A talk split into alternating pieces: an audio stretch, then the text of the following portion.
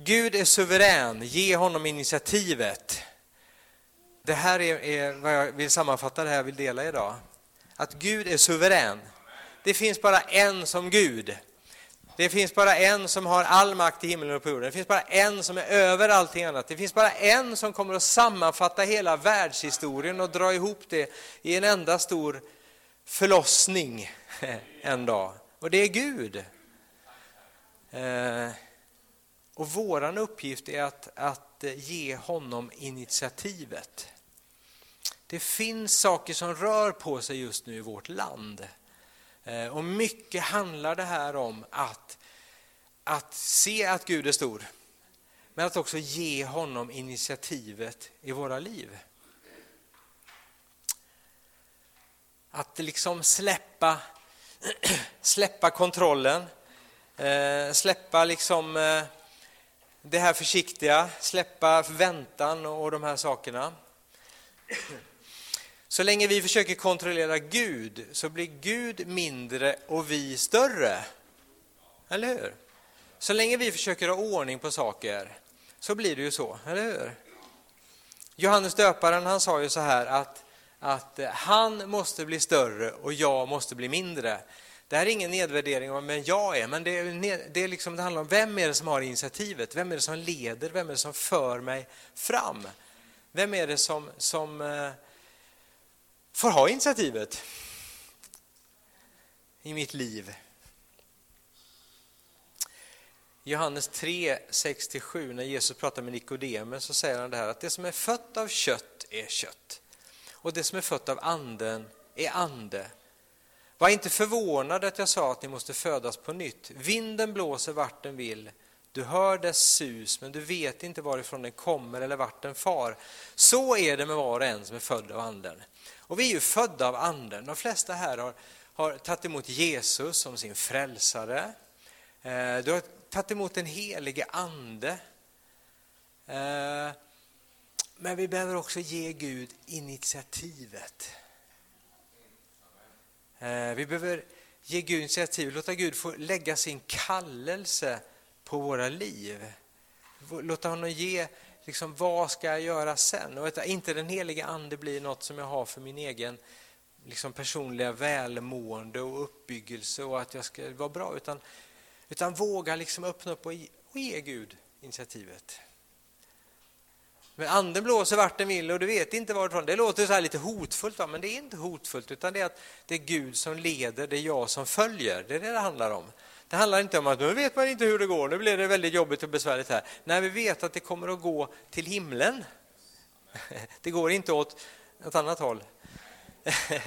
Utan det är det vi vet, för vi måste veta då att anden är inte nyckfull. Är du med? Den heliga ande är inte nyckfull, så rätt som det är så ändrar han sig. Rätt som det är så tycker han inte om det då. eller rätt som det är så, så, liksom, så slänger han det han har använt, utan han är inte nyckfull. Utan vi vet, när vi läser Guds ord, när vi vet vad den helige ande är, så vet vi vad den helige ande är. Vi kan lita på honom, för han är inte opolitlig.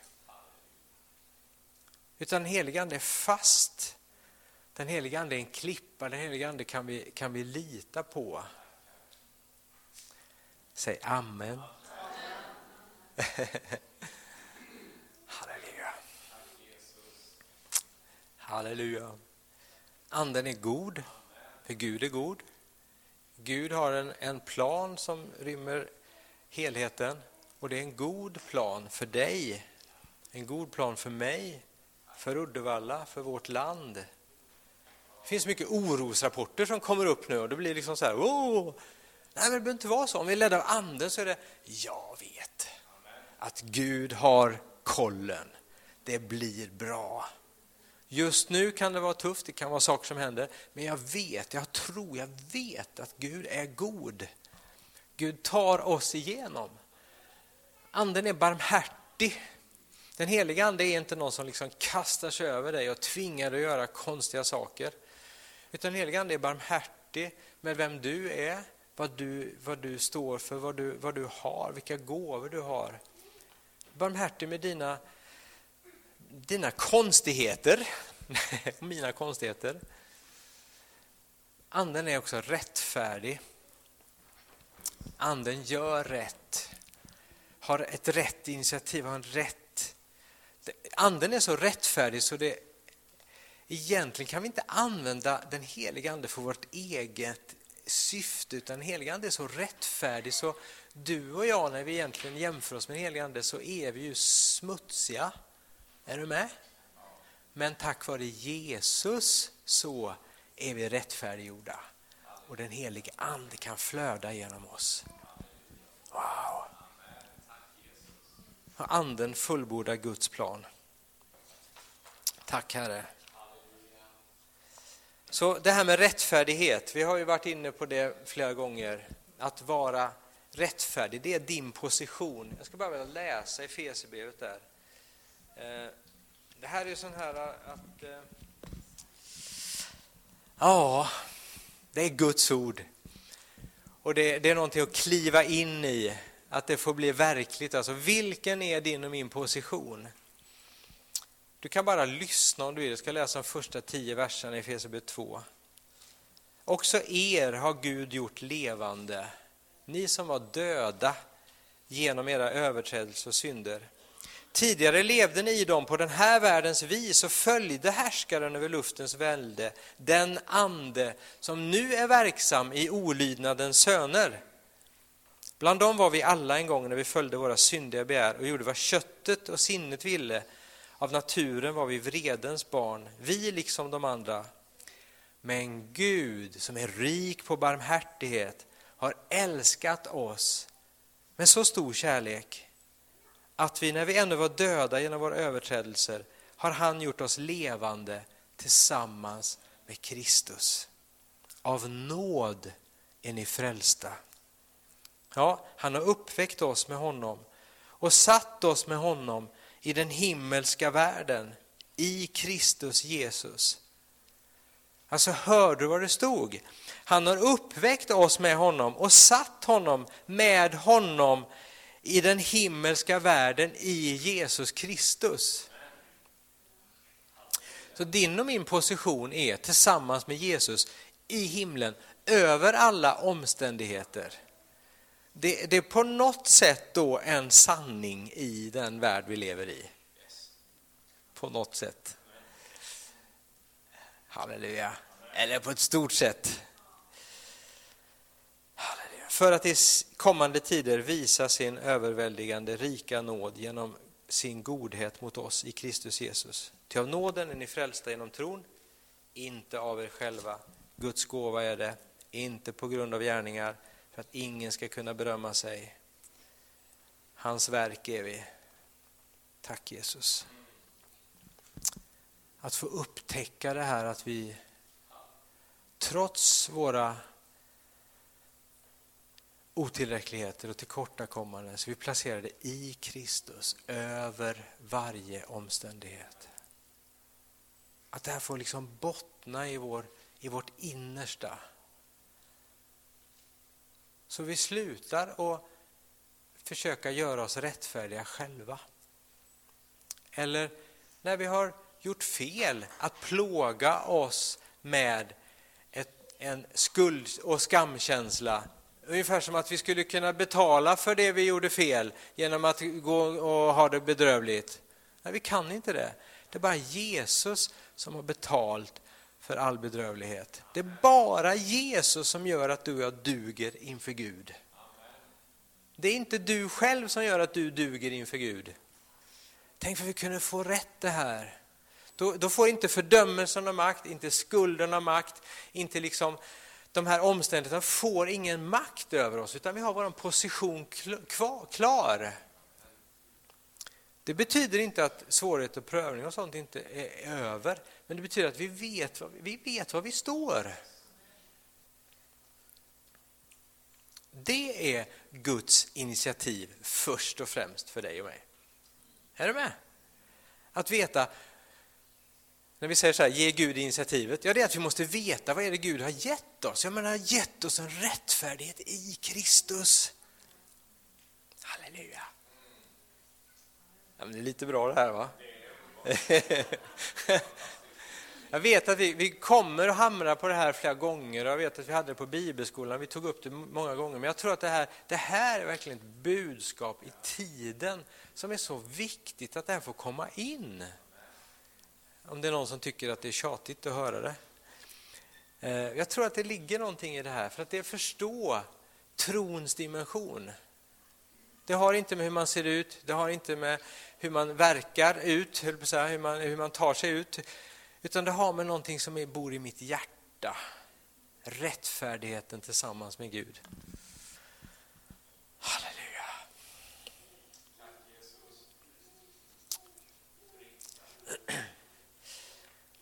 Det blir lite olika plock här i det här. Jag ska ta upp en annan sak som har varit någonting som vi nämnde här sist. Sara och, eh, nu Sara här, Emmy här, vi pratade om det här med bokrullen, kommer ni ihåg det? Det, no, det, det, rör sig lite grann i vårt land nu, den helige Ande rör människor och lyfter av bördor och det finns en, en, någon slags, eh, ja vad det nu är, vi behöver inte analysera det så mycket, men det talas om bokrulle och det delades ut bokrullar. Ni fick bokrullar sa ni när ni var här.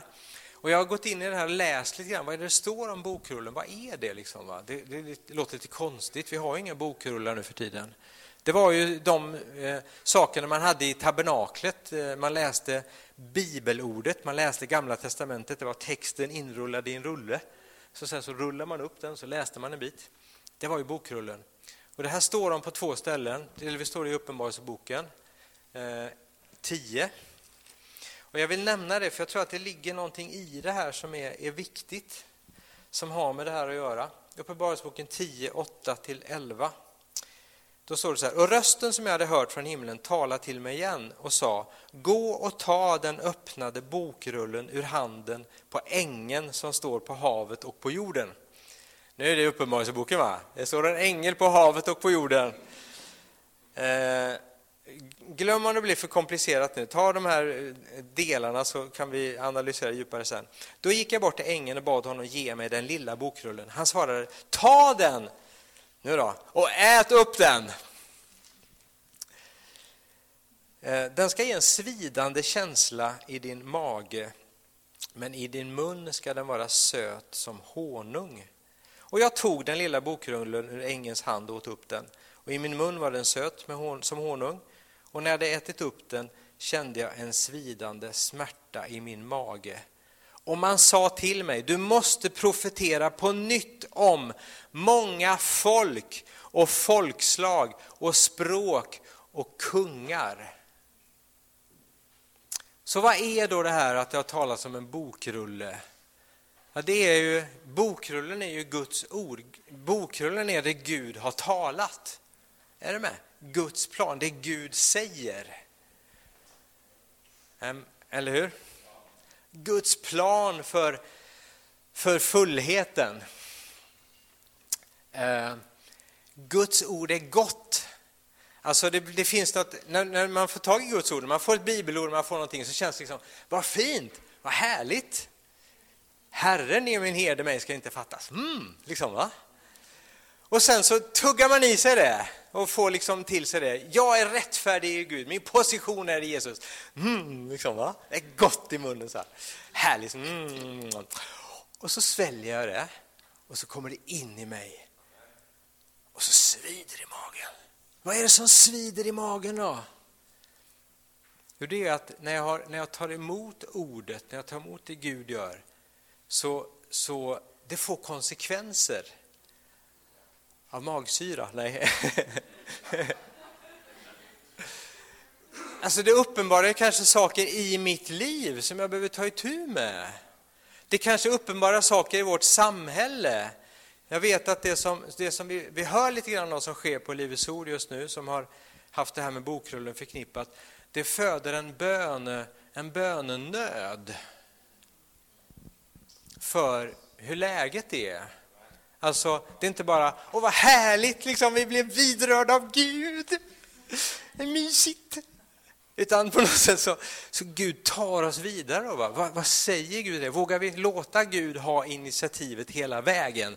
Vågar vi även ta svidet i magen? Är du med? Då får vi gå och läsa i Hesekiel. Eh, ska vi se. Där står det var det finns.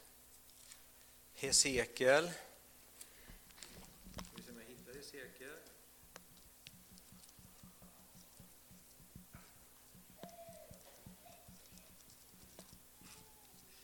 Här har vi Hesekiel 2. Där är bokrullen igen. 2, 8 och 3-3. Då står det så här. Men du människobarn, hör vad jag talar till dig. Det här är ju, Hesekiel har fått kallelsen att bli profet. Och det här är precis i början på hans tjänst. Och då talas det igenom den här bokrullen.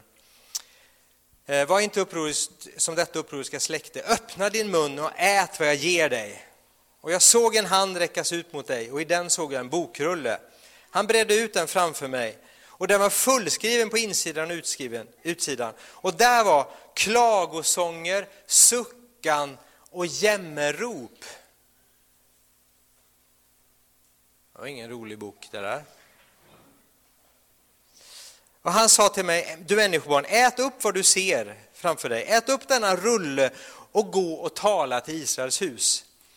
Jag öppnade min mun och han gav mig rullen att äta. Han sa till mig, du människobarn, mätta din mage och fyll din buk med denna rulle som jag nu ger dig. Och jag åt och den var söt som honung i min mun. Full rulle.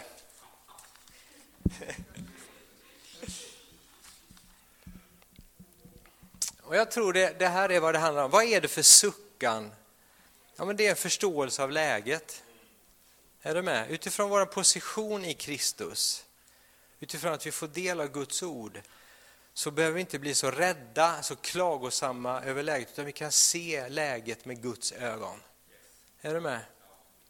Och då ser vi att människor far illa i världen. Människor far illa i vårt samhälle. Vi behandlar flyktingar som skräp, vi behandlar svaga. Vi, alltså, förstår du? Vi, det, det är så mycket det finns ett avfall i, i både bland, i kyrka och människor, höll jag på att säga. Därför mynnar det här ut i en bön, det som svider ibland att vi måste ner på våra knän, vi måste ner i vår bönkammare och säga Gud, kom och möt oss, kom och möt vårt land, kom och möt våra omständigheter, kom och möt mitt liv så att jag kan bli fri och få göra det jag ska göra.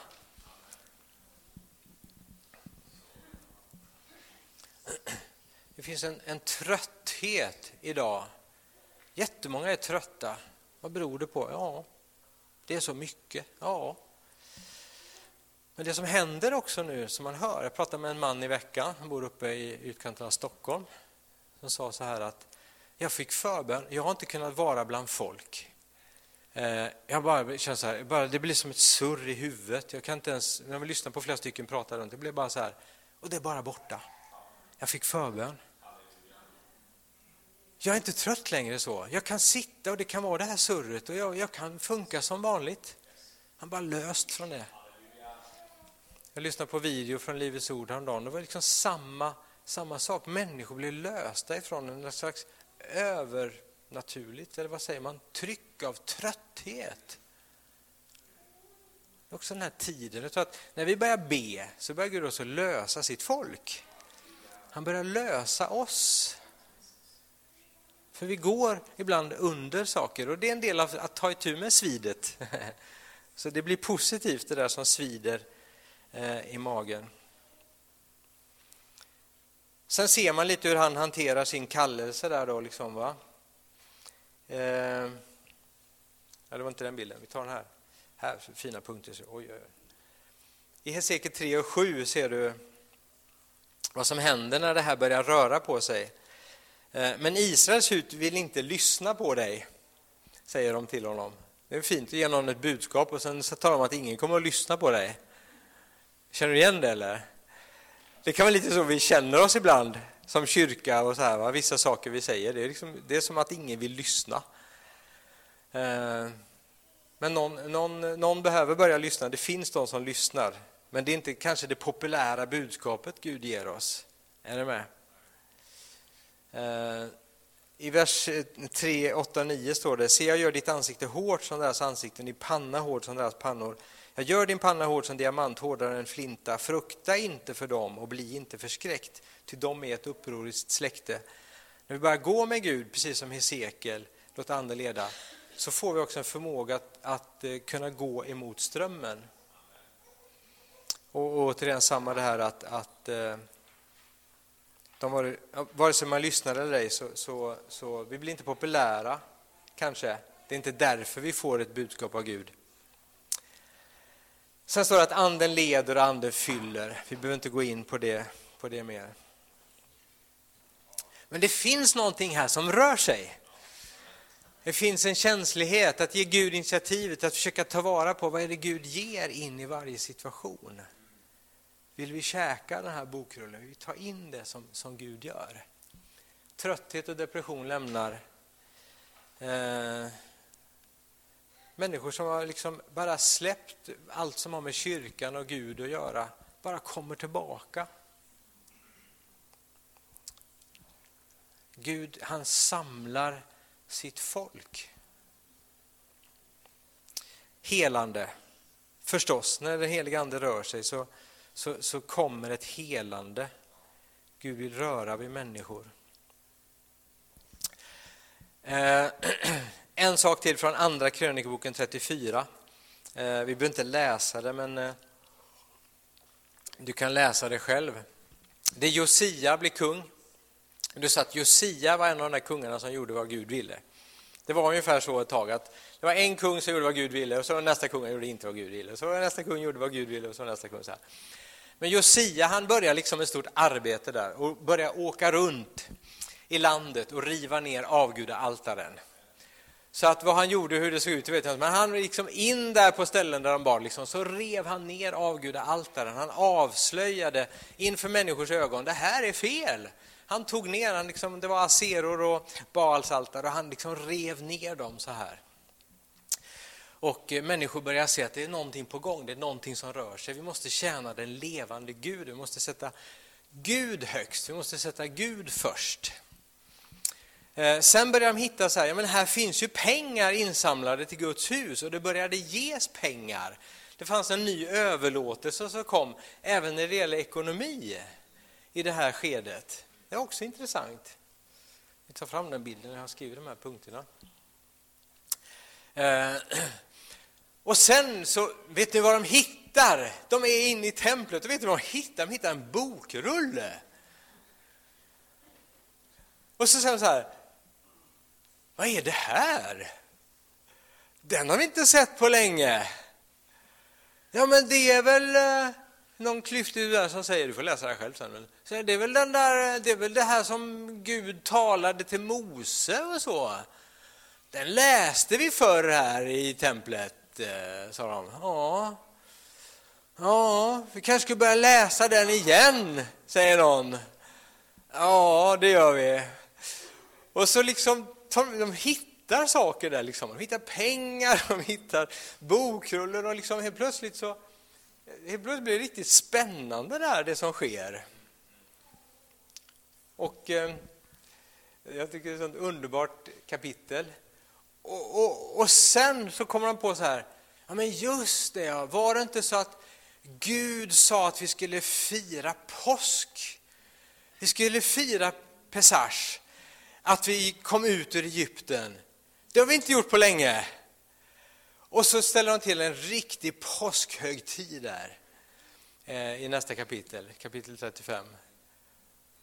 Och det är liksom så här, det här gamla, vana, självklara. Först får de liksom ut med det gamla, riva ner avgudaltarna, ta bort liksom rening från synder först. Alltså lägga av saker som har hindrat. Då börjar de se, men här finns ju pengar. Men här, nej, men här finns ju Bibeln också. Ja, ja det var ett skämt. Ja. och, så, så här, och vi kanske ska fira det Gud har sagt att vi ska fira. Vi kanske ska ha lovsång som han har sagt att vi ska ha. Det är som är liksom självklarheter, va? men när, när Gud uppenbarar det så blir det även det här självklara, det blir roligt. Är du med? Det var ju inte så att folk satt där och sa så här, åh kära någon, det var den här Josia, nu sa vi firar påsk också, liksom, jobbigt, är du med? Utan det var snarare så här, vi har glömt hur det var. Vi har ju någonstans i, våran, i våra gener har vi liksom väckelsenerven, eller vi har ju den här levande nerven tillsammans med Gud. När Gud hade initiativet. Och vi känner igen det, är du med? Det är först när du kommer ut till sommarstugan och du ser liksom maskrosorna och tänker du så här, åh fina de är, jag kommer ihåg dem, vi var ju sådana förra sommaren här igen. Är du med? Den där känslan av att liksom igenkännandes glädje. Och du, du och jag, vi bär ju det på insidan. Är du med? Så när, när liksom Guds ande kommer och det blåser liv så känner vi, ja men här har jag varit förut. Jag vill ha det här.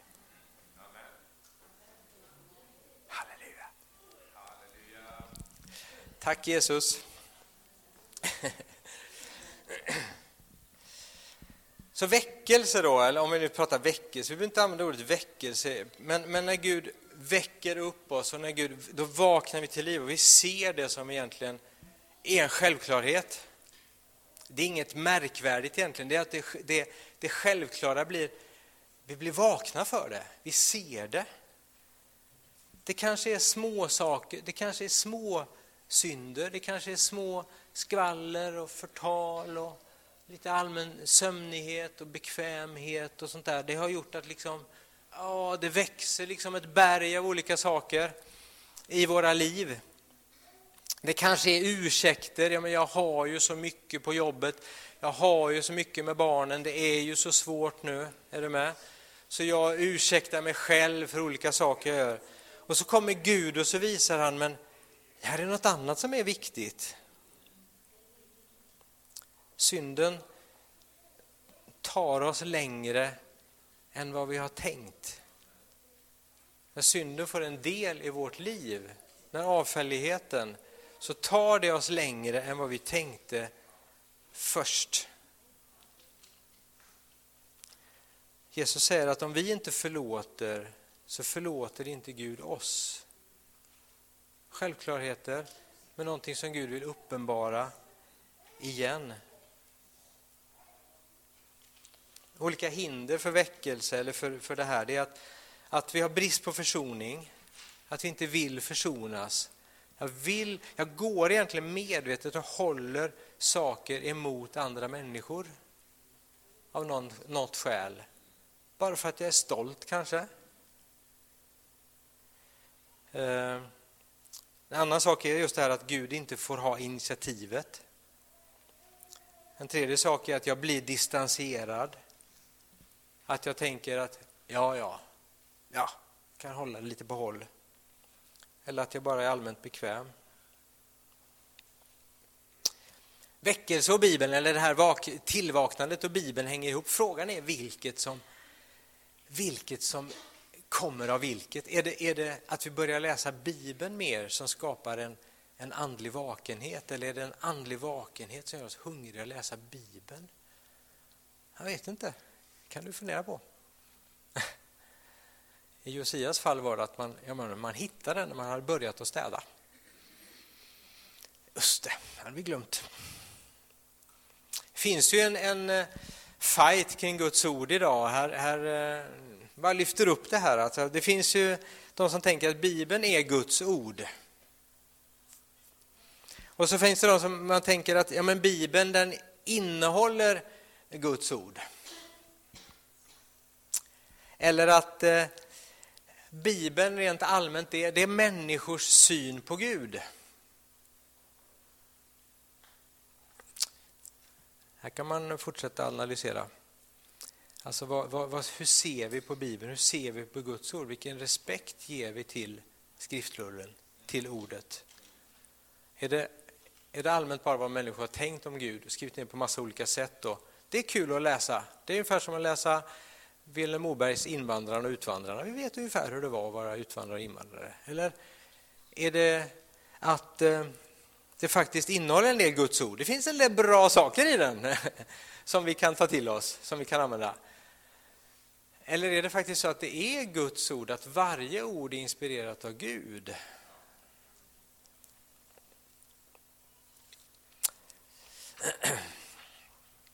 Innan vi bara slutar här så... Um, det finns en sak som jag upplevde att Gud, Gud talade i början på det här året. Jag har delat det lite kort med vårt ledningsteam. Ehm, men jag kände att jag skulle, jag skulle dela det här eh, idag. Och det, här, det är så här, de här, de här orden upplevde jag när jag satt eh, tillsammans med min satt och bad och tänkte, och det är kanske inte så uppmuntrande bara, det är, det är både uppmuntrande och inte, men ett år av svårigheter och genombrott. kan man ju fastna i svårigheter och tänka så här, det blir jobbigt. Eh, men jag upplevde att Gud sa det. Jag kände vi hade begravningen här av Lars i, i, i tisdags. Det har varit jättejobbigt. En jättesvår situation. Man tänker, varför har inte Gud helat honom? Samtidigt som Sven sa, det var också en ljus stund där vi får vara tacksamma för att han har gått hem, hem till Gud. Det finns andra saker som är svåra. Det kanske finns saker i ditt liv, jag tänker mig så här, applicera ditt eget liv. Det finns svårigheter som du och jag går igenom just nu. Och vi kanske blir så här att det där kanske blir droppen som du gör att du tänker, jag skiter i det här. Är du med? Jag lämnar det här. Jag lämnar den här relationen, jag lämnar det här engagemanget, jag lämnar det här för du orkar inte. Så jag tror det finns något väldigt positivt i det där ordet också. Att det finns ett, en, en svårighet för ett genombrott. Det är väldigt ofta som Gud, man ser i historien, han har tagit sitt folk igenom något tufft eh, för att sen ge ett genombrott. Jesus fick gå igenom en korsfästelse för att det skulle bli en uppståndelse. Eh, ja, man skulle kunna ta många, många exempel. Så jag tror på något sätt att vi måste veta var vi har vår position. Vi måste veta vad grunden är, det måste finnas en fasthet. Fast livet kanske är rörigt, saker är svårt, kanske fattas pengar, kanske fattas tro, kanske fattas hälsa. Eh, så vet vi att det finns, en, det finns en botten i att jag förtröstar på Gud. Och där är styrkan. Där är styrkan. Och det finns ett genombrott i varje svårighet. Det finns ett genombrott i varje svårighet. Amen. Och sen var det här, och det, jag slänger ut det för att eh, var, så här, var noga med vem du är allierad med, upplevde jag Gud sa. Och jag som precis tänkte gå med i frimurarna, nej. Det är så jag tänker först, liksom så här, vad är jag allierad med? Liksom så här, är det liksom, så här, nej, jag tänkte inte det, förlåt, man ska inte skoja om sånt. Men på något sätt, vem, vem går jag i ok med? Vem är det jag kopplar med?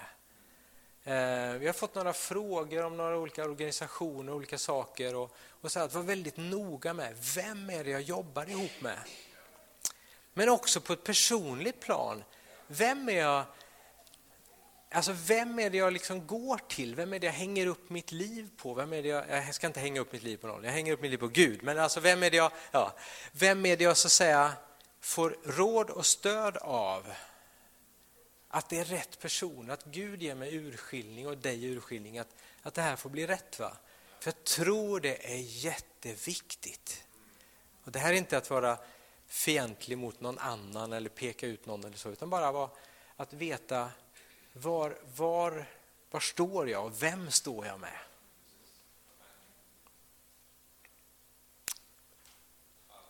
Tack Jesus.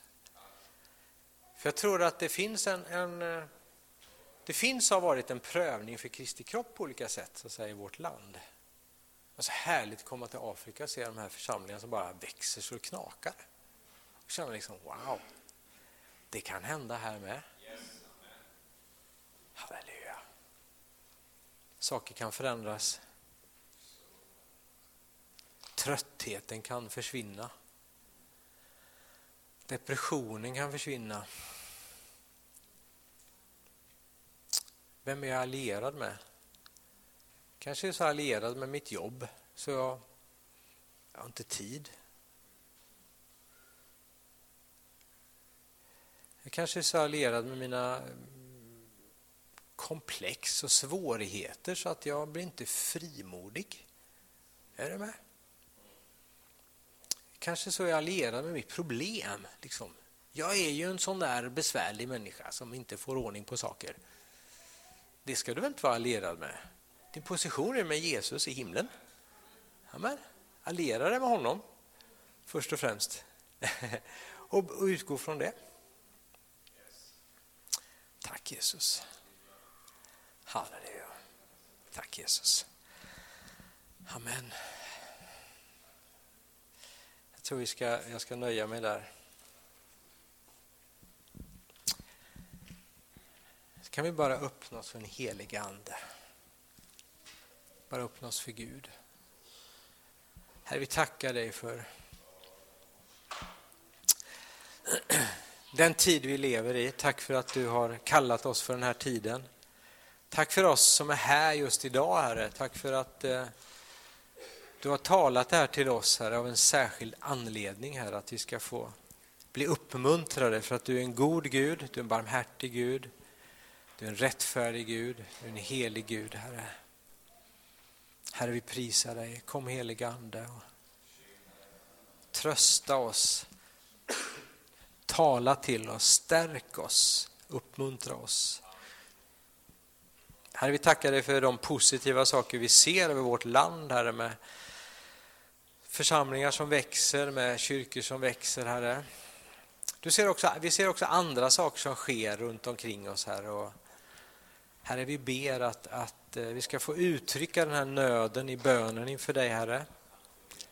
Du ser människor som far illa i vårt land, du ser människor som eh, eh, som är helt förlorade åt den här tiden vi lever i, all materialism och konsumism, Herre. Vi tackar dig för att vi får tillhöra dig och din familj, Herre.